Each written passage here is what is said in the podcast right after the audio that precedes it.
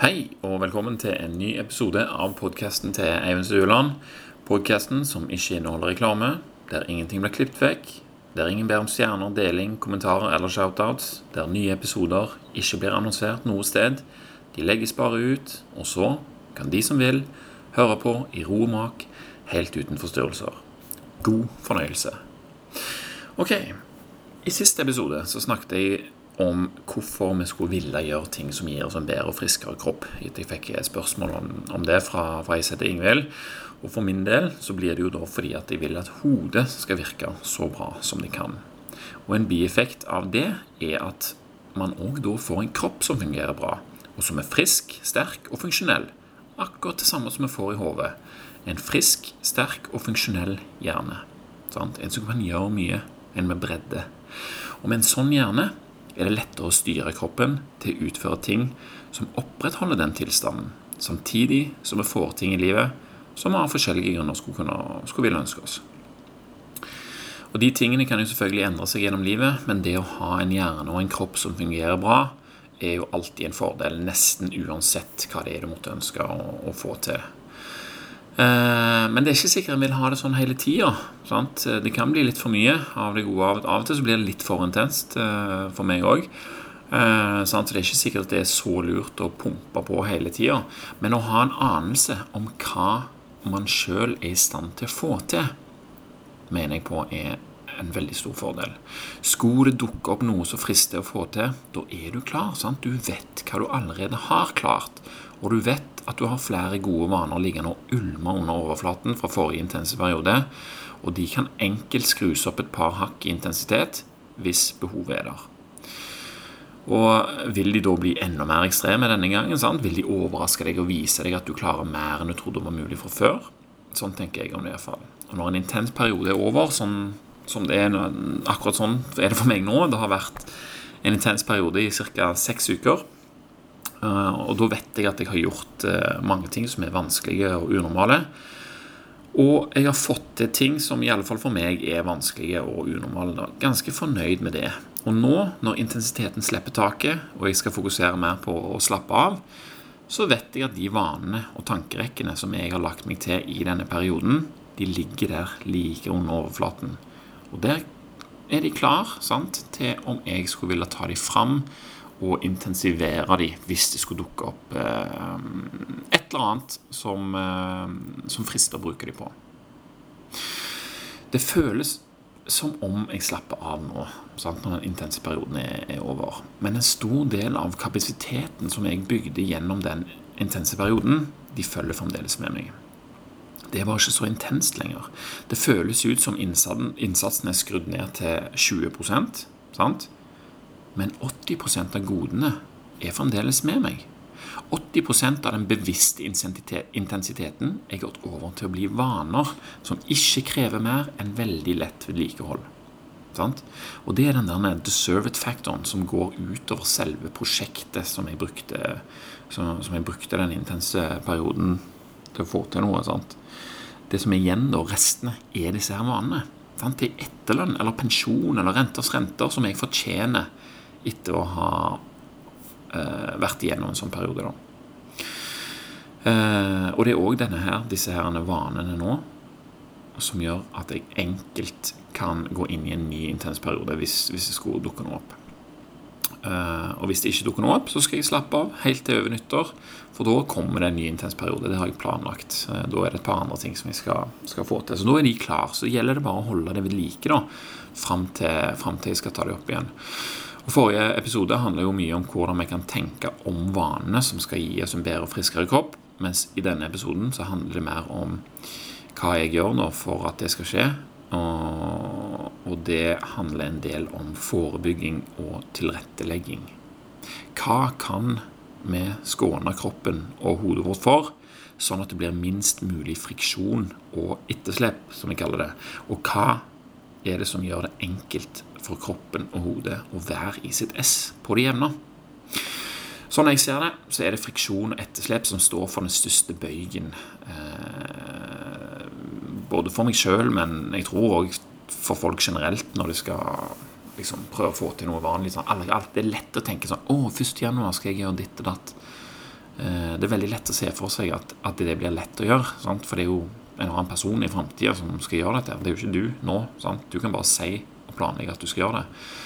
Men eh, det er nok en del friksjon og etterslep som gjør at den personen som våkner opp 1.1., sliter litt med å få til den eh, ambisjonen som den personen eh, du er nå, eh, har sett for seg. Og, så hvis vi tar et eksempel, og hvis vi har for, en, for å gjøre det veldig enkelt Hvis vi har en motor med 100 hestekrefter som gjør at en bil kan kjøre i 100 km i timen, men det er friksjon i motoren og drivverk, det er sprukne pakninger osv. som gjør at den bare kan gå i 70, til tross for at den bruker like mye drivstoff som om den gikk i 100.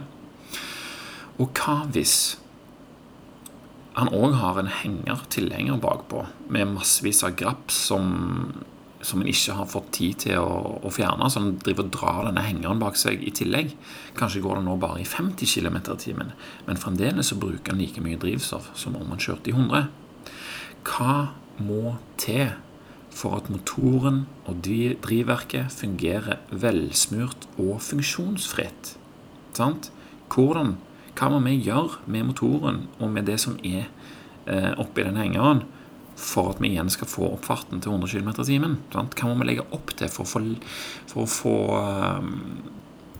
uh, For at motoren og kjøretøyet er fri til å yte sitt potensial? Det er det vi har godt av å finne ut av. Uh, og det er òg det mange av mine vaner og handlinger handler om. Å være mest mulig klar og velsmurt til å yte mitt potensial i intense perioder, og til å være passelig klar og velsmurt i mindre intense perioder samtidig som det da er kort vei opp igjen sant, hvis jeg skulle trenge det. Da slipper jeg å hente inn kropp og hode hvis jeg plutselig får bruk for det. Jeg kan bare sette rett i gang. Jeg trenger ikke å venne meg av med sukker først, eller øve meg på å legge meg tidlig. Jeg gjør det allerede.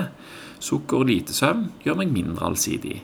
En kropp som ikke har brukt natta på etterslep for dårlige vaner, har brukt natta på å gjøre seg klar for hva som helst.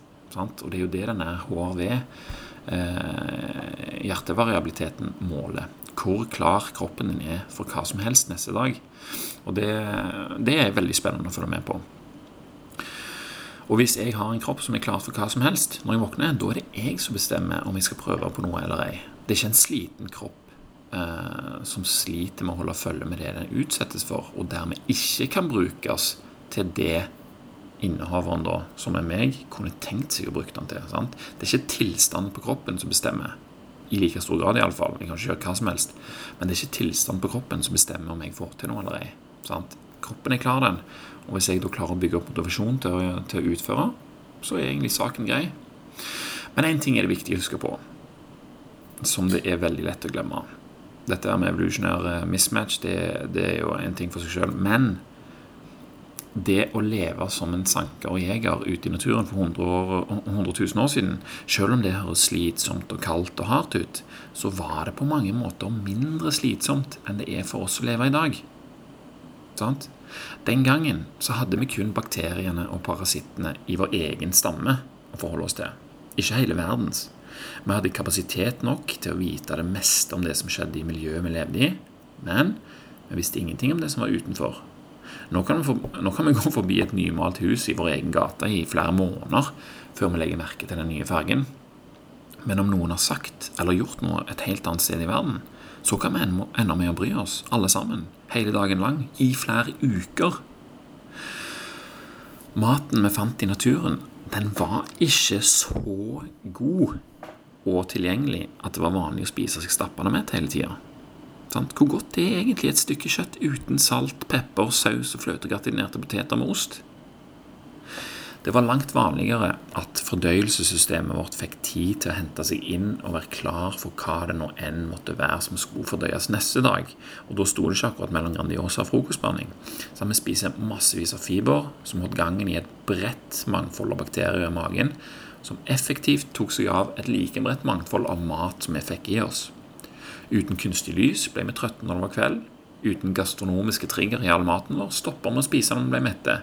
Det var ikke noe annet å drikke enn vann fra en bekk. sant? Bare disse tre faktorene her, mat, drikke og lys, skaper en hel del friksjon for oss i dag. Friksjon vi kan unngå hvis vi vil, men da må vi legge litt innsats inn i det. sant? Og da kan man få andre resultater. Så mange av de tingene som jeg gjør, de handler jo da om å fjerne disse ekstra greiene som vi har gående, som gjør at ting vi ikke har så godt av, blir så digg at vi ikke klarer det å være. Sant? Ting som lager ekstra friksjon, friksjon, som setter en ekstra kostnad på kroppen, sånn at en ikke kan gjøre det den egentlig vil, før han har tatt seg av dette etterslepet. Og det er her det lønner seg å tenke på saken. Hva er det som gjør at jeg vil noe annet? Eh, nei, hva er det som gjør at jeg vil noe som ikke er bra for meg? Sant? Hvorfor vil jeg spise akkurat ditt eller datt? Hvorfor vil jeg ikke legge meg på kvelden? Hvorfor det ene og det andre? Må jeg langt bak? Må jeg, må jeg, liksom bruke mye tid på dette? Sånn som når jeg bestemte meg hvordan jeg ønsker å forholde meg til alkohol. Det, var en sånn, det vil jeg kalle en sånn prosess. Sant? Men jeg fikk jo god lønn av det, da. Eller holder det kanskje med en sånn bestemt påminnelse når jeg er i butikken. Nei, skjerp deg! Sånn. Det er litt vanskelig å vite. Og av og til så krangles det jo òg om hvor mye friksjon visse ting gir. Jeg husker når det var populært å diskutere hvor mange liter lettbrus det gikk an å drikke før det var skadelig, f.eks. Da tenkte jeg bare at hvis det er så vanskelig å bli enige, så drikker jeg vann, jeg, da. Det er relativt godt utprøvd. Og da hadde jeg liksom Ok, jeg har bestemt meg, jeg drikker vann. Så da blir kreativiteten min på en måte i det området. Og det har utvikla seg i den retning at vi nå henter alt drikkevannet vårt fra en, en kilde. Sant? Om det kommer nye smaker, saft og brus og sånne ting, det er ingenting med meg å gjøre. Men når vannet begynner å bli tomt hjemme, så kommer motivasjonen til å hente mer. Fordi jeg bryr meg om det vannet. Sant? Og jeg syns at det er lettere å få til ting hvis jeg bryr meg om det. Så for å si det litt kort jeg forsøker å unngå unødvendig friksjon i kropp og sinn. Jeg vil gjøre ting enkelt, og jeg prøver å mane frem mening bak et ønske, sånn at det motiverer meg til å følge opp med handling. Mm, sant? Ned med friksjon, opp med mening. Da har resultatene en tendens til å komme. Så For å begynne med noe grunnleggende vann. Altså Hvorfor gidder jeg å hente vann, og hvordan er det enklere enn å bare ta det fra springen? Mening.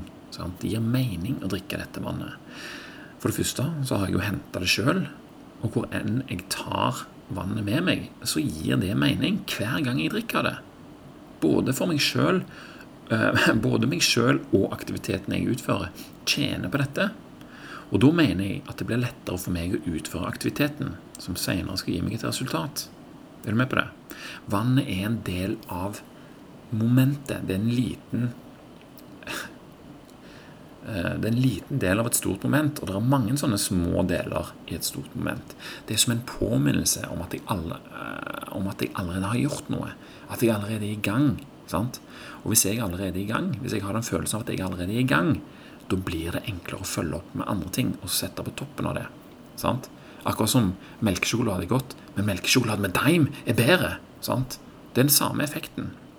Stacking kalles det. Samtidig så så jeg jo naboen bytte vannrør eh, etter det sprakk i vinter, og da så jeg tverrsnittet på den vannledningen. Fy flate. Å drikke vann som renner gjennom det der. Det var ikke særlig fristende. Jeg ville knapt nok dusje i det, for å si det sånn. Og det var en sånn ekstra motiverende tilfeldighet som jeg kunne knytte opp eh, til mitt allerede godt etablerte vannhentingsregime. Da, da, fikk jeg sånn uh, Dag, ja, du har drukket det vannet der i årevis, du. Jeg går og henter mitt vann fra Saudavannkilden. Uh -huh, Følte meg ekstra bra på det pga. det. Og det samme vannet sant? det står jo klart. Et glass med selvhenta vann fra en ren og god kilde er det som venter meg om morgenen når jeg står opp. Samuel. Det betyr at jeg har mening fra aller første stund. Og dette vannet tar jeg med meg på jobb og alt mulig. Folk himler med øynene. Men til syvende og sist så er det jeg som tjener på det. Ok, men jeg tror ikke det med vannhenting eh, at det var den store liksom, eh, tingen som eh, Ingvild lurte på. Hva med andre ting? Jeg lagde jo en episode om mat her tidligere. Dere kan jo høre på den om igjen. Det er ikke så mye som endrer seg der, men for å ta en kort oppsummering, så drikker jeg som sagt stort sett vann. Jeg drikker vin og kanskje en øl i ny og ne hvis jeg tenker at det er verdt det. Hvis jeg har date night med kona mi, f.eks. Um, jeg spiser salat med nøtter og olivenolje nesten hver eneste dag til frokost-lunsj-måltidet. Noen ganger har jeg sardiner til, andre ganger er det egg. Nå for tiden så er det hjemmelaga bacon av ute-ullgris i huset, så da slenger jeg på noen tjukke skiver med, med sånn bacon på, på lav varme et par timer før denne brunsjen. da. Eh, og før det så har jeg som regel tatt en kopp kaffe med MCT-olje. Jeg spiser grønnsaker med nøtter og olivenolje til middag. Og noen ganger så har jeg kjøtt til, andre ganger har jeg fisk. Da er det helst lam og helst makrell, men det varierer. For eksempel så traff jeg en kar på på heimevernsøvelse her sist, og han kunne fortelle at han var helt akkurat sånn som meg når, med tanke på mat og, og sånne ting. Så Vi hadde med oss nista begge to, og jeg gadd ikke spise det der First Price-opplegget som de serverte oss der på heimevernsøvelsen, som for så vidt er helt forkastelig. I tillegg så prøvde de å friste oss med sjokolade. Men jeg hadde med egen kaffe, egen nista. Veldig fornøyd med det. Uansett, han kisen her, da, han, eh, hadde, han har eh, Han er bonde, så han har en gård. Og i høst, helt på tampen av beitetida, så hadde han slakta ei gammel melkeku eh, og lagt kjøttdeig av det, som jeg har fått kjøpe. Den er bare så sykt god. Og den, akkurat som lam og makrell og sånne ting gir mening, så gir det òg mening å spise det kjøttet. Mer mening enn å kjøpe en kjøttet i butikken i en form. Uansett, til mellommåltid så er favoritten sardiner og litt nøtter med en avokado og olivenolje. Det er enkelt, alt sammen, dette her, men det er likevel variert. Det er mye næring, men ikke i for stort volum. Det er lett å fordøye, samtidig som holder meg mett lenge. Totalt sett så får jeg i meg alle fettsyrer, aminosyrer, karbohydrater og fiber som jeg trenger, i tillegg til vitaminer og mineraler som disse matvarene har i seg. Eh, og I tillegg så supplerer jeg etter behov med vitamin D om vinteren, omega-3 hvis jeg av en eller annen grunn ikke har spist nok fisk. Jeg tar en B-kompleks innimellom, litt sink og magnesium, og vitamin C. Det har vi alltid et lite lager av, så etter behov så tar jeg det. Og så blander jeg òg til et glass med fiber og kollagen før frokost. Begge deler er jo da for tarmenes del. Kollagen, der er jeg jo så heldig at stemor mi jobber på en fabrikk som lager en av Jeg har ikke funnet noe bedre kvalitet, iallfall. Lager kollagen av villfanga uh, fiskeskinn. da, altså Skinn er jo ikke, altså Fisken er fanga. Før så var dette et avfallsprodukt. Uh, skinnet sant, det ble lagt gjødsel og sånne ting av det. Nå lager de alle tiders førsteklasses kollagen av det. Så jeg tar det med fiber før lunsj. Fiberet er jo mat til tarmene. Mm, bakteriene i tarmene. Kollagen er veldig nyttig i forhold til å bygge opp tarmlinningen og sånt, som jo skiftes ut 10-12% hver eneste døgn. Eh, så der har du eh, spisinga. Jeg pleier å gå fra 4-5-6-tida om ettermiddagen kvelden eh, til 9-10-11-tida på formiddagen uten mat. Jeg spiser meg sjelden stappmett, og ketose er liksom standard. Det er der jeg trives best og opplever at jeg har minst friksjon. Jeg vet hvorfor jeg velger å spise disse tingene, og jeg vet òg når Hvorfor jeg velger å spise dem til visse tidspunkt. Sant? Det har jeg mana fram en mening om. Det er aldri mat som bare skal spises fordi jeg er sulten. Det er å, nå må jeg ha noe mat. Spise på. Nei, nei, nei, nei. Dette her er alltid mat som har et oppdrag i kroppen min. Sant? Hvis jeg har såremuskler etter hardt arbeid, f.eks., så tenker jeg at byggesteinene i kjøttet, fettet, skinnet, skjelettet og tarmene i sardinene som jeg spiser rett for boksen, de kommer til å gå akkurat der det er bruk for det, i min egen kropp. Sant? Hvor hadde Grandiosaen gått i et sånt tilfelle? I tillegg så vet jeg jo at sardinene er henta et sted der de ikke gjorde noe ugagn på miljøet, sant, der de bodde, og ikke er det frakta fôr og avfall hit og dit, og ikke er de fôra med annet enn det de fant der de var. Sånn tenker jeg om villsauen som vi har slakta og partert og lagt i fryseren. Sånn tenker jeg om baconet som surrer i panna mi før frokost. Kjøttdeigen til, til han kompisen min, bonden her borte. Meningsfull mat gir meg en god følelse, og da er den òg lett å velge og lett å like og har jeg av en eller annen grunn falt av dette regimet lenge nok, eller kraftig nok, til at det er mye friksjon i systemet, da faster jeg et par dager for å hente meg inn igjen. Det er liksom quick fixen. Uh, hvis jeg vil uh, Hvis jeg kjenner at det er behov for det, da. Så det er liksom hva som går med til å drifte, uh, drifte denne kroppen. Som jeg anser som jo sunnere og friskere enn gjennomsnittet. Og det er ikke så jækla vanskelig å regne det ut. Det er bare til å gå og se på at 58% av befolkningen er overvektig. Sant? Jeg vet at jeg ikke er overvektig. Mm -hmm. Da er jeg jo innenfor 50 da. Men uansett så tror jeg at det ligger litt bedre an enn det òg. Det er det drivstoffet som er med på å bestemme hvor effektivt jeg kan tenke ut hva jeg skal gjøre, eller hvor fort gjort det er for meg å bli med ungene på bading, på klatring eller en runde på trampolinen. Sant? Som igjen er aktiviteter som bygger opp om en sunn frisk kropp, som igjen trenger en god hvile, og som igjen har godt og bra drivstoff. Ser du? Altså, det er mat, aktivitet og hvile pluss timing og mening. Det sørger for at det blir lett å underholde de riktige tankene, som fører med seg de riktige avgjørelsene. Og da er det lett å hente vann, da. Hvis jeg er trøtt og god om kvelden, og våkner uthvilt med initiativ om morgenen, mm, så er det et tegn på at eh, ja, det er lite friksjon i systemet. Um, ofte så vil jo jeg ha lite friksjon i systemet fordi at eh, jeg snakker jo alltid om det der å få skrevet om morgenen. Sant? Jeg har hengt meg veldig opp i, i, hvordan jeg skal få gjort det. For det er den uh, Det er liksom den tingen som jeg vet at jeg har mest igjen for å investere i. Hvis jeg får det til, så ordner alle slags ting seg på bedre måter når jeg klarer å se for meg når jeg ikke gjør det. Men jeg vet at jeg har mast mye om dette her, men etter årevis med mas om det, om det temaet, og bare noen få meldinger som jeg kanskje kan telle på én hånd fra folk som faktisk har prøvd det, så begynner jeg å tenke at kanskje dette er bare min favoritting, som passer enormt godt for meg, men som ikke er noe særlig for noen andre. Uansett så er det å stå opp om morgenen med en hjerne som er klar til å tenke ut ting som jeg trenger å tenke ut, det er den den ultimate tingen å gjøre for meg, enten det er for å få en sunnere eller friskere kropp, eller jeg skal i et stillas for å gjøre noe, eller bare fordi jeg eh, vil stå opp tidlig og skrive for å se hva som skjer. Sant? Uansett eh, så handler det da mye om hvordan jeg skal få det til. Og det er der mye av disse vanene kommer fra. Det er ikke sikkert du har lyst å få til det, å stå opp og skrive, men jeg tror at de tingene som jeg gjør for å havne bak pulten med blyant om morgenen, òg kan være nyttig når det kommer til å få til helt andre ting som du bryr deg om. Sant? Jeg trenger en frisk og sunn kropp for å få det utbyttet jeg vil ha av den skriveøkta. Det er det det egentlig handler om. Så det viktigste for at morgendagen da skal bli sånn som du ser for deg, det er jo å se for seg eller, det er jo å se for deg hva morgendagen skal bringe. Sant? Hva vil du at den skal bringe? Og så kan du se om du kan legge opp til at det skal skje på noen måte allerede i dag. Sant? Hvis jeg skal skrive, ok, da rydder jeg og gjør alt klart, sånn at jeg kan begynne å glede meg til å stå opp i morgen. Og så prøver jeg å glede meg til i morgen tidlig mer enn jeg har lyst til å se på TV nå. Det er trikset. Sant?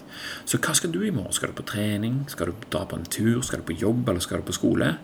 Pakk klart, eller gjør i stand mest mulig kvelden før. Så enkelt, så kjedelig, men oh my god, så verdt det. Bruk den udugelige energien. altså Den er jo ikke helt udugelig, men den eh, Den lavfrekvente energien, jeg vet ikke hva du skal kalle det, eh, lavintense energien som er igjen på kvelden, til å dylle litt rundt og pakke og klargjøre for deg sjøl i morgen.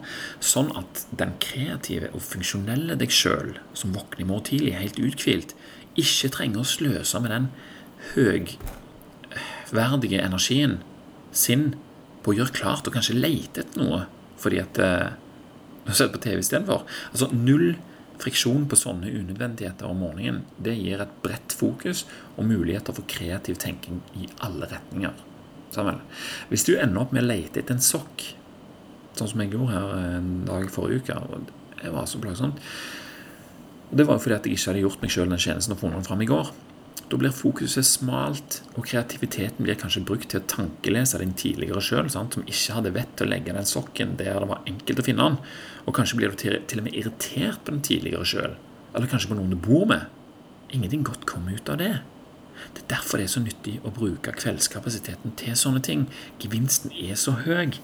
Man sovner lettere når dette er gjort, enn hvis en ligger i senga og tenker på alt en ikke må glemme i morgen. Og man blir jo bedre til dette her etter hvert. Etter en intensiv, peri intensiv periode der vanene liksom kjøres bevisst hver gang, så faller ting tilbake på ca. 80% resultat med ca. 20% innsats. Sant? Og da kan, likevel, da kan, det likevel bli tid til litt TV-titting, hvis det er det du er redd for å gå glipp av. Yes. Vann, mat, hvile og klargjøring. Hvile, ja.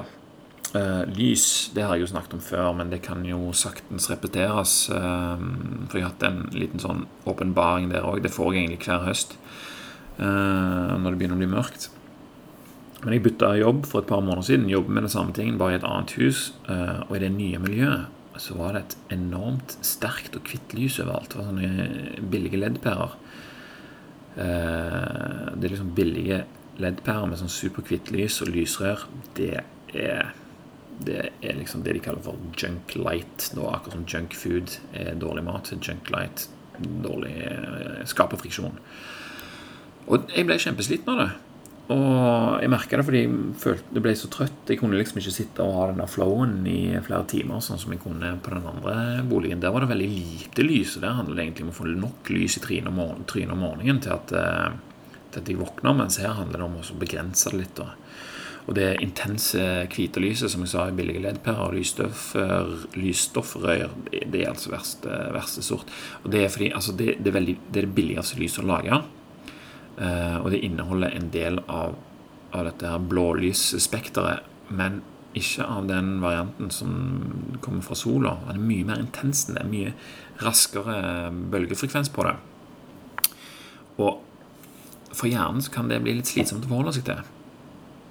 Sant? Det er det som det, Dette her er helt sykt, egentlig, at, uh, at er rundt omkring. For det har så mye å si. Når du først legger merke til det, da selvfølgelig, så kommer jo placebo og alt sånn nocebo inn i bildet. Men det å finne ut at oh shit, jeg tror faktisk det er pga. lys at de blir så trøtt. Uh, så da tok jeg med meg sånne blå Blue Blockers briller, og så ble det en oppgradering på briller til hele familien. Spesielt siden jeg opplevde det samme intense lyset på skolen til ungene når jeg var der på foreldresamtale. Eh, og før det så har jeg bare brukt sånne Før så har jeg hatt eh, vanlige briller med styrke i. For jeg har jo hatt minus 1,25. Så jeg har hatt bestilt fra Zenny Optical og vanlige briller med styrke i og som blue blocker. Så det har jeg hatt. Men nå har jeg kasta brillene. Jeg slutta med briller nå i sommer. Det skal jeg snakke om senere. Så nå hadde jeg ikke sånne blue blockers-lys. Vi hadde bare briller. Vi hadde bare noen liggende som vi hadde for lenge siden, som vi kjøpte på Amazon. for sånn sånne billige drittbriller. Men nå har vi alle på vei i posten egne dagbriller som vi kan bruke på skole og jobb, der det typisk er sånn intenst lys.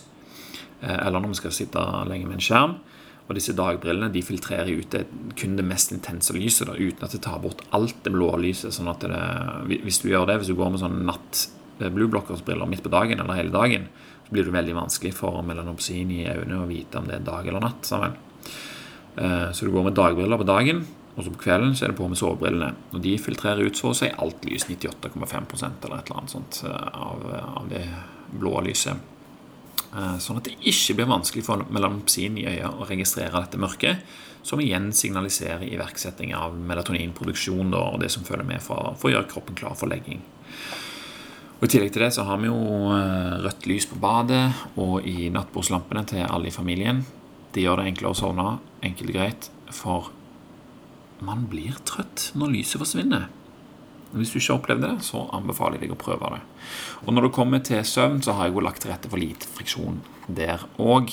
Og, og, her er det mye å hente. Altså, hvis, du, hvis du er en person som eh, tar med deg smarttelefonen til sengs, eller hvis du var det før, så vet du forskjellen. Men hvis jeg legger meg bare generelt Nå har jo ikke jeg hatt det på mange mange år. Men hvis jeg legger meg med masse informasjon i hodet fra f.eks.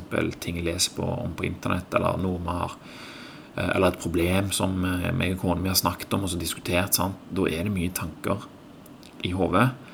Og for søvn da så blir disse tankene friksjon i systemet som gjør det vanskelig for meg å roe ned hjernen, sånn at den kan sovne.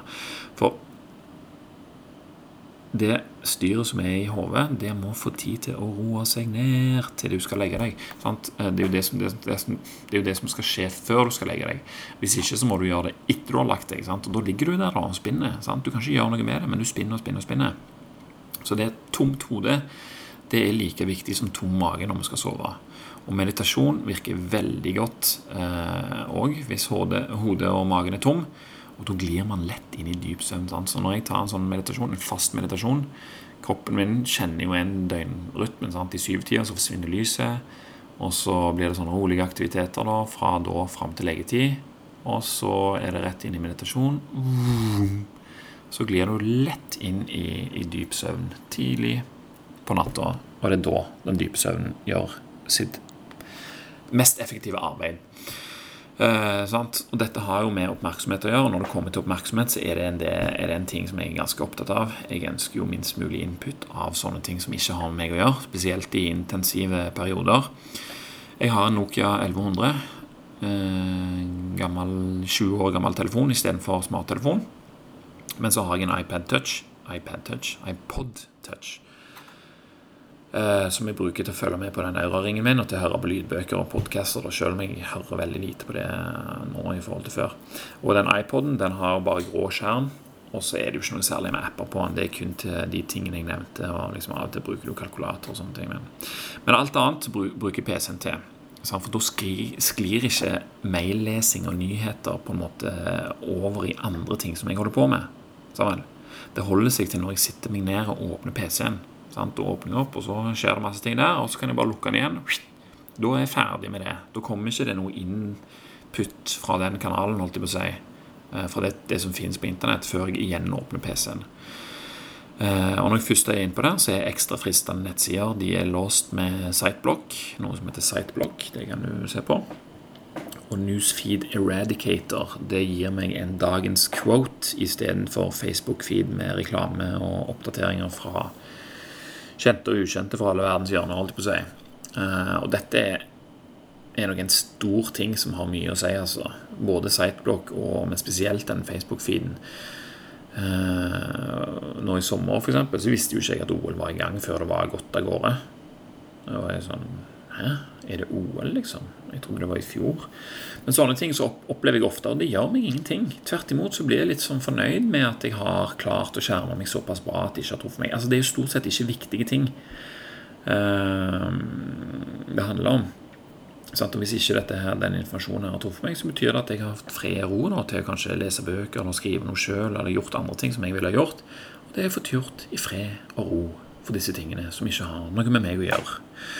Men hvis det først skjer noe viktig som har noe med meg å gjøre, eh, eller jeg får høre om det, så, så må jeg jo oppsøke informasjon. Og da pleier jeg heller å gå f.eks. før valg og sånn, så pleier jeg å bare gå inn og lese partiprogrammet til de forskjellige partiene før valget. Eller nå for tida sånn, så går jeg bare inn på foi.no for å oppdatere meg hvis det kommer noen nye retningslinjer. eller lignende sånn. Jeg trenger ikke nyhetene til å farge den informasjonen for meg. Sant? Da bare går jeg og finner den sjøl, og så slipper jeg å slipper jeg òg å sile da, hvis jeg først går inn på en nyhetsside for å oppdatere meg på retningslinjene, så blir jeg òg utsatt for mye reklame, andre artikler om en katt som har forsvunnet for lenge siden, men kommet hjem igjen, og alle slags sånne historier som Ja, de, de kan jo være hyggelige og underholdende, og alt sånt som det, men jeg har ikke bruk for dem. Eh, jeg hørte her en dag om en annen katt som hadde gått inn på kjøkkenet vårt og spist biffen til kona mi, som lå der og godgjør seg til kvelden. Så jeg får med meg sånne historier, jeg òg, bare at de er oftere fra, fra virkeligheten. Eh, så alle disse her vanene og disse her tingene som jeg gjør altså Det har jo tatt lang tid, og det har jo skjedd litt og litt etter hvert som jeg har klart å gi det nok mening til at det har blitt en vane. Men det stopper jo ikke, så i år har det òg kommet inn nye ting. Uh, og en av de kjekkeste tingene det siste året har brakt med seg, vil jeg si, er den gjenoppdagelsen av jording, som du jo kan høre flere episoder om her på podkasten hvis du ikke allerede har gjort det. Jeg forsøker å være jorda så ofte jeg kan. Jeg sitter nå med beina på ei jordingsmatte uh, på jobb. og Den sover jeg på og ja, har med meg så sant jeg kan. Og Så går jeg ofte barbeint. Og det er nok en ting som gir mening, og som er no-brainer både for uh, meg og, for hele familien. Altså Rødt lys og jording det er en selvfølgelighet for hele familien. Og det samme er dette med nesepusting, som òg har preget mye av dette året her. Uh, jeg vet at ikke alle sliter med dette her, og hvis du ikke sliter med, med det, så skal du prise deg lykkelig. Men hvis du er en munnpuster, som jeg sjøl til en viss grad har vært Sånn, vet du så vil jeg anbefale på det sterkeste å utsette deg for en intens periode med litt ubehag, kanskje litt mye ubehag, men mye, mye, mye, mye, mye, mye utbytte. Livet med den hasen som jeg har nå, er langt bedre enn, var, enn det var med den gamle nasen min og det går på så mange nivåer. Og jeg har på tapeten en oppdateringsepisode om dette temaet her, for det er så mye egentlig å si om det. Det er en av de store tingene som jeg er så glad for at jeg har presset meg gjennom lenge nok til at jeg nå kan nyte en allsidig og funksjonell mase som er i stand til å minske friksjonen når jeg sover, f.eks., når jeg trener, når jeg mediterer, og alle mulige andre ting som jeg skal gjøre, uten at det føles som jeg prøver på det lenger. Å, jeg er ferdig på en måte med intensiteten. Nå er det bare krusing. Så jeg sender en stor takk til broren min der, som presenterte dette for meg på en måte som ga nok ga det nok mening til at jeg følte jeg måtte gjennomføre. Og uh, nesen den lærer meg òg å legge merke til når friksjon bygger på seg i kroppen. Hvis nesen min tetter seg til, hvis jeg kjenner at det begynner å tette seg til, så tar det ikke lang tid før jeg begynner, begynner med tiltak. Uh, og ting som kan tette nesen, det er for mye eller feil mat, det er lite søvn, mye stress eller andre ting som gir sånne betennelsesreaksjoner i kroppen og får nesegangene til å tette seg. En hovner rett og slett litt opp da. Så hvis jeg kjenner det, så er det sånn Shit, da må jeg gå i jorda meg, eller ta, hoppe i kald elv, eller et eller annet sånt for å liksom hente meg inn. Jeg får iallfall veldig lyst til det. Det er ikke alltid jeg eh, gjør det, men eh, jeg får lyst til å ta noen tiltak. Finne noe C-vitamin eller et eller annet. Eh, men altså, mer om det seinere. Men nesepusting, jepp, gjør det. Og les 'Breath' av James Nestor. Veldig kjekk bok om emnet hvis du ikke vil vente på denne episoden. Dette her er en sånn fundamental evolutionary mismatch-ting, rett og slett. Så det er bare til å hive seg på. Men uh, gi det nok mening først, sånn at du har nok stamina til å holde det ut. Ok, nå har vi vært igjennom flere temaer som omhandler på en måte kroppens behov. Da. Den trenger jo vann, mat og hvile. Og jeg tenker at Alle disse tingene har godt av å utføres på måter som minsker friksjon, og som gir godt utbytte. Mat som inneholder gode ting, og som er lett å fordøye. Vann som er rent og godt, og som har en mening som gjør det enkelt å velge nettopp det vannet enkel tilgang på hvile via løsninger som bygger opp om hvordan kroppen virker evolusjonært sett. Alt dette her er ting eh, som omhandler kroppens behov. Men friksjon det kommer vi ikke helt ifra, uansett hvor mye vi prøver. Vi kan renske bort det vi sjøl råder over, men skal vi leve i dette samfunnet, så må vi forholde oss til de andre som lever der, og hva de gjør, og hva de bryr seg om. Eh, og i utgangspunktet så er det faktisk derfor vi har en stor, så stor hjerne. Eh, for den gir oss nemlig muligheten til å tåle påkjenningen som det er å leve tett med andre mennesker. Ifølge Robin Dunbar, jeg leser igjen den boka som han uh, Human Evolution, Brains and et eller annet. Det er så kul. Så han har veldig greie på dette her. Og, det er det han sier, at desto større hjerne du har, desto mer komplekst sosiale samfunn kan du leve i og vi er jo på topp der. Tenk litt på det neste gang du irriterer deg over noe eller noen. Eh, dette kan hjernen din jobbe fram en metode for å takle. Sant? Og når ting blir litt mye, enten det er fordi jeg har jobba intenst med et eller annet, vært blant mange krevende folk eller utsatt meg for andre evolusjonære mismatch-faktorer, så er det veldig greit å kunne meditere. Så jeg mediterer hver kveld og hver morgen. Og jeg øver meg stadig på kunsten å meditere i løpet av dagen, helst eh, rett før jeg kjenner at jeg trenger det. Da bruker jeg som regel guidede meditasjoner på det. da. Eh, og så liker jeg å variere. Akkurat nå så bruker jeg en 22 minutters guidet meditasjon fra Soma Breath om morgenen. Eh, den inneholder pusting, den inneholder holdning av pusten. Der er rytme, musikk, og der er meditering på takknemlighet. Og den har òg hjulpet meg veldig mye i forhold til nesepustingen. Da det òg er en metode for å åpne nesen, inkludert i den meditasjonen der. Um, hør gjerne en podkast-episode med Nirak Niraj for å få en liten innføring i det. Jeg kan sikkert snakke mer om det i nesepustingsepisoden òg. Og Det er han grunnleggeren av Soma Breath, og han er òg en tidligere elev av Wim Hof. Men han liksom var med han på massevis av sånne events, og det er han som har lagd musikken inn på appen eksempel, til, til Wim Hof. Uh, men så skjærte han av og så lagde en sin egen greie. da, Og jeg liker den bedre. Det kan godt være at det er bare for variasjonen sin del, men jeg syns at det, denne her er mer sånn rytmisk og kontrollert og avslappa. Mens jeg føler den Wim Hof-metoden ofte er mer sånn panisk og ukontrollert. Etter min smak, i alle fall. Så det er summer breath, da er det pusting med nesen og alt dette her. Jeg føler liksom jeg får de tingene til i forhold til Wim Hof. Jeg var egentlig bare så glad for at han ikke sa at de trengte å puste med nesen. At de bare kunne fyke det inn med kjeften. Jeg tror det var det som gjorde at de bare digga det så hardt. Men eh, nå digger jeg summer breath veldig mye og klarer å utføre det med å puste med nesen. Så det er jeg veldig glad for. Og på kvelden og gjennom dagen så bruker jeg noe annet enn eh, 23 minutters NSDR-meditasjon. Og NSDR det står for Non-Sleep Deep Rest. Og er egentlig det samme som yoga nidra, som eh, betyr yoga søvn. Og det betyr egentlig at en ligger på ryggen og slapper av, og så puster litt og liksom roer kroppen helt ned før en begynner å gå gjennom alle kroppens mange deler, én etter én, eh, i et akkurat passelig tempo som gjør at du klarer å henge med. At det er veldig enkelt å henge med. Av og til så suser jeg jo vekk. sant? Man begynner på tommelen, og så går jeg gjennom hånden opp gjennom armen og liksom ned under kroppen. Plutselig så har jeg liksom Hei, hvor ble det av skuldre og armhulen og magen, liksom? Men ofte så klarer jeg òg å, å, henge med. Ekstremt avslappende og anbefales på det aller sterkeste.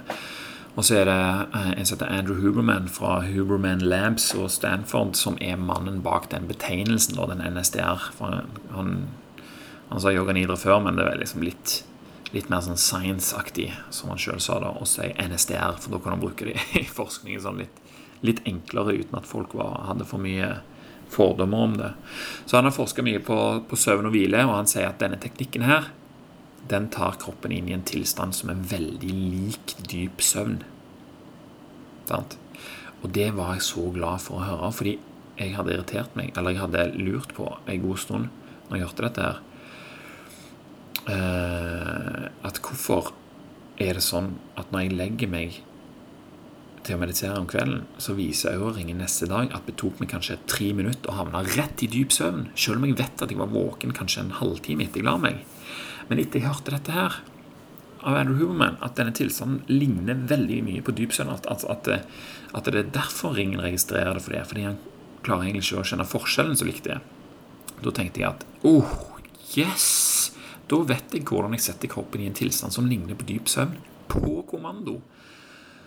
Da er det jo enkelt for meg å motivere meg til å gjøre dette her, når man vet dette. Sånn og Andrew Huberman han forteller at denne teknikken kan brukes til å hvile, eller til å sørge for at uh, ny læring skal få sette seg etter en intens uh, tankeøkt. Sant? Sånn som før da jeg satt og skrev på denne episoden, så ble jeg sånn, ble jeg litt sånn gående i hodet. Så tenker jeg ah, nå går jeg og tar en NFDR. Gjorde jeg det? Og så tok jeg faktisk en Sormo Breath en liten sånn etterpå og bare gøffa det opp igjen. Og da vet jeg at den intensiteten i skriveøkta, den har fått roa seg ned. Sånn, for det er jo det dyp søvn gjør. Feile litt, eh, rydde litt opp i, i hjernen og sånn. Og, og, sånn som det kan en gjøre. Eller en kan også sørge for at nervesystemet skal få komme seg etter en har arbeidsøkt eller treningsøkt. Eller hvis du har prøvd på noe veldig vanskelig, hvis du har jobba med balanse, f.eks. Jeg husker han uh, Josh Hva heter han, han uh, vennen til Tim Ferris. Han hadde vært uh, på en sånn funnet en et sinnssyk metode for å, å, lære seg å surfe på en sånn veldig vanskelig et eller annet. Samme det. Men uansett så sa han at etterpå, når jeg har gjort det i 20 minutter, så må jeg bare gå rett inn på et mørkt rom og legge meg med øynene igjen etterpå. Ah, tenkte jeg da. Det er det samme greiene. Du, går, du har lært noe, nervesystemet er liksom Så går du inn og legger deg, gir nervesystemet muligheten til å hente seg inn. For Hvis du driver og styrer på med 150 forskjellige ting etterpå, før du får kommet deg til restitusjon, så kan mye av den læringseffekten på, på nervesystemet, eller på hjernen, hvis det, hvis det er det du har unnlatt å restituere, så kan det mye av det forsvinne. Så det er lurt å kunne ha muligheten til å legge inn en sånn liten 20 minutters eh, meditasjon da, etter du har gjort noe intenst. Og meditasjon det henger jo til en viss grad sammen med den siste, men absolutt ikke minste faktoren her jeg skal snakke om, og det er min streben etter å ha et positivt sinn. For det har jeg funnet ut av for lenge siden, og blir bekrefta stadig vekk, at det har enormt mye å si så det har òg gitt sine små vaner her og der. Jeg har sikkert snakket om alle sammen før, men da får du bare se på det som en oppdatering. Hovedtingen er så klart morgensider for meg, men det fins flere godsaker som ikke er så omfattende, men som allikevel gir gode resultater. En av de, hvis du bor med noen, hver morgen rundt frokostbordet, så sant vi ikke av en eller annen grunn glemmer det, så sier alle i familien to ting de er glad for, og to ting de gleder seg til. Vi kaller det bare for runden. Og uansett hvordan du vrir og vender på det, så vil tanken om noe gledelig og positivt påvirke hvordan vi tenker. Sant? Kanskje det bare virker akkurat der og da, men jeg kan òg velge å bruke den meningen, ta den med seg utover dagen og gjøre den om til massevis av eh, verdifulle opplevelser eller liksom ting og tang. Du kan, du kan ta den med deg og bygge på den hvis du vil. Du kan få øve på det. Så hvordan vi tenker, og hva vi tenker, har veldig mye å si. Så en annen ting jeg pleier å gjøre, det er kanskje den aller enkleste av de. Det er å ønske noen tilfeldige jeg ser en god dag, rett og slett, inni hodet mitt, som oftest. Så jeg går forbi noen eller sitter en plass og ser jeg noen prøver jeg å tenke sånn Å, hva er det de tenker på, eller hva er det de liksom For ofte så ser du kanskje på ansiktsuttrykk at de gjør et eller annet, eller at de har noe de tenker på, eller et eller annet sånt. Så tenker jeg sånn Hm, jeg ønsker deg en veldig, veldig god dag i dag. Blant, så er jeg inni hodet mitt. Men av og til så sier jeg òg hei og gir et smil innimellom hvis jeg treffer noen langs veien. Og det hjelper veldig mye på meg. Uh, og hver morgen når jeg har skrevet, så ønsker jeg òg et knippe mennesker som jeg kommer på der og da. En fin dag. Det kan være kona mi, far min eller mor mi eller brødrene mine eller bare noen andre helt random. En gammel venn fra lenge siden. Så jeg var sånn Å, i dag ønsker jeg so and so og ditt og datt. En fin dag. Håper de får til det de vil. Og et eller annet sånt. Og det bringer ofte med seg et smil å gjøre det. Sant? Og det, det er en ting som jeg gjør helt alene. Jeg gjør noe som gjør at jeg får noen tanker opp i hodet, som gjør at jeg produserer noen hormoner, som gjør at jeg får det bedre. Og det her funker. Så hvis du har lyst på den følelsen, prøv det.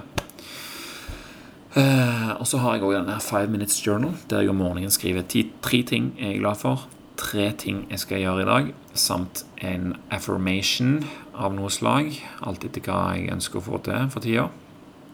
Og om kvelden så skriver jeg da tre ting jeg har gjort i dag, og én ting jeg kunne tenke meg var bedre. Og så leser jeg i, daglig i Daily Stoic for litt filosofisk påfyll. Og så leser jeg i War of Art for litt kunstnerisk påfyll. Og alle disse tingene her er med på å gi meg noe som jeg da igjen kan bruke på noe annet. Så vel. De gir meg mest av alt mening, og det er vel derfor jeg fortsetter å, å gjøre det. Så summa summarum så drikker jeg vann, jeg spiser mat jeg har funnet ut virker for meg, jeg legger opp til god hvile og restitusjon, og jeg planlegger og tilrettelegger for at resultater skal føles enkelt å oppnå. Og så øver jeg meg på å gi meg sjøl mer ro i form av meditasjon alene, og sammen med familien så øver vi oss på å mane fram gode følelser som jeg kan bruke til gode ting på kommando. Jeg puster med nesen, jeg gjorde meg, og jeg beveger hofte, skuldre og andre ledd hver eneste morgen. Jeg rydder tid til å tenke og skrive hvis jeg tror jeg har behov for det. Og når alle disse tingene utføres med letthet, som det oftere og oftere gjør, så føler jeg meg frisk og sunn og sterk og funksjonell og fleksibel og alt det der. Og når jeg av en eller annen grunn ikke føler meg frisk og sunn, da vil jeg gjøre mer av disse tingene, sånn at jeg blir det igjen. Skjønner du? Dette er en oppskrift som jeg bare kan bruke jeg tid vil. Uh, så jeg håper dette ga noen form for svar eh, som det går an å gjøre noe ut ifra. I neste episode skal jeg forklare litt mer om hva jeg føler jeg får og har fått ut av å gjøre disse tingene gjennom de siste årene. Spesielt de siste fire årene har det skjedd enormt mye. Så det skal jeg snakke om neste gang. Eh, jeg lurer jo på hadde jeg klart det som jeg har klart eh, hvis jeg ikke hadde alle disse tingene. Jeg tror ikke det. Og, men jeg kan iallfall si at det ikke hadde vært like friksjonsfritt og fornøyelig å gjøre det. Det tviler jeg på. Så det er det det handler om. Hvordan få det friksjonsfritt og fornøyelig. Så vær så god, det var det for denne gangen. Eh, I mellomtida så kan du støtte podkasten og bidra til at det kommer flere episoder, og at de er gratis og uten reklame for alle som vil høre på ved å vippse et valgfritt beløp til telefonnummer 40 55 07 37. 40 55 07 37. Tusen takk til dere som allerede har gjort det. Det er mye mer å fortelle om. Nesepusting, brillekasting, økonomi, reiseplanlegging. Det er bare noen av de. Takk for nå, takk for meg, og tusen takk til deg som hørte på. Vi snakkes snart igjen.